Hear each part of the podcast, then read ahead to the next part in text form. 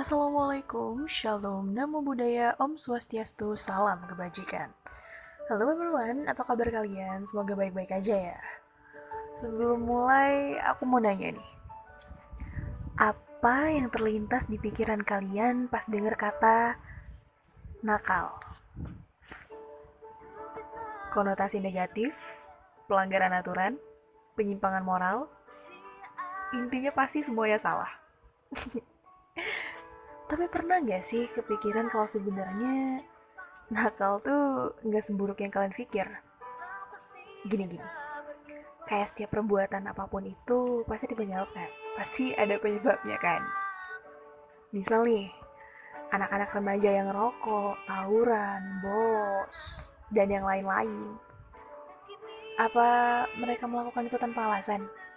Enggak dong bisa jadi karena pengaruh lingkungan atau pergaulan mereka di sekolah atau juga orang tua yang terlalu mengekang mereka kayak strict parents gitu. Dan bisa juga karena broken home. Hmm.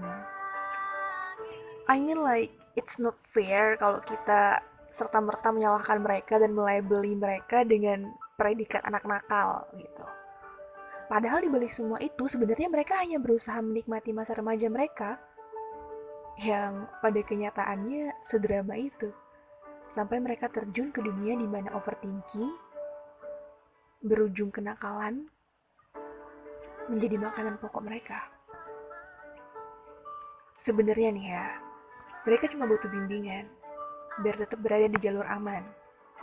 Tapi ya cuma sedikit yang peduli akan hal ini. And do you know, seminggu terakhir gue kan kayak ngematin tingkah laku anak-anak yang katanya ngelakuin penyimpangan ini ya. Dan juga tanya nih ke beberapa narasumber gitu dari berbagai umur nih.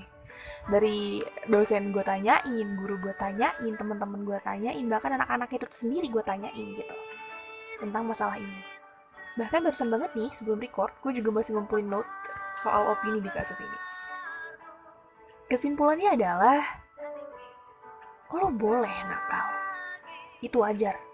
Wajar banget, serius. Dan apakah itu penyimpangan? Oh jelas. Terus kenapa gue bilang boleh? First of all, gue mau kalian jangan bahas dosa dulu. Banyak musisi yang menggunakan drugs atau mereka drunk buat bikin mereka ngefly dan akhirnya dapet inspirasi. Ada juga yang cara menghilangkan stresnya adalah balapan liar, and much other. Note, gue nggak bilang ini perbuatan yang positif ya, tapi gue bisa bilang ini wajar. Why? Because everyone has their own way for being happy, and we will never knew how bad they life. So just shut the fuck up. Boleh lo ngingetin mereka, tapi bukan menggurui. Kenapa? Percaya deh, kita tuh gak bakal bisa ngubah karakter seseorang mereka ngelakuin semua hal itu juga ya karena mereka ngerasa dengan cara itu mereka bakal tenang dengan cara itu mereka bakal happy gitu loh. Yang bisa kita lakukan cuma sekedar ngingetin dan kasih contoh. Dan kalau memang nggak bisa mending nggak usah banyak bunyi nanti pecah muncul tuh. Canda. Anyway dari gue nih ya. Terkadang apa yang kita benci itu belum tentu buruk dan apa yang kita suka juga belum tentu baik. Apa yang kita anggap positif tuh belum tentu benar-benar baik sepenuhnya. Kita hanya perlu melihat dari sisi atau sudut pandang yang berbeda. Belajarlah jadi manusia yang open-minded. Oke? Okay? Dan juga jangan terlalu hobi ngeluh tapi jangan juga maksain diri buat sok kuat karena lo manusia bukan malaikat.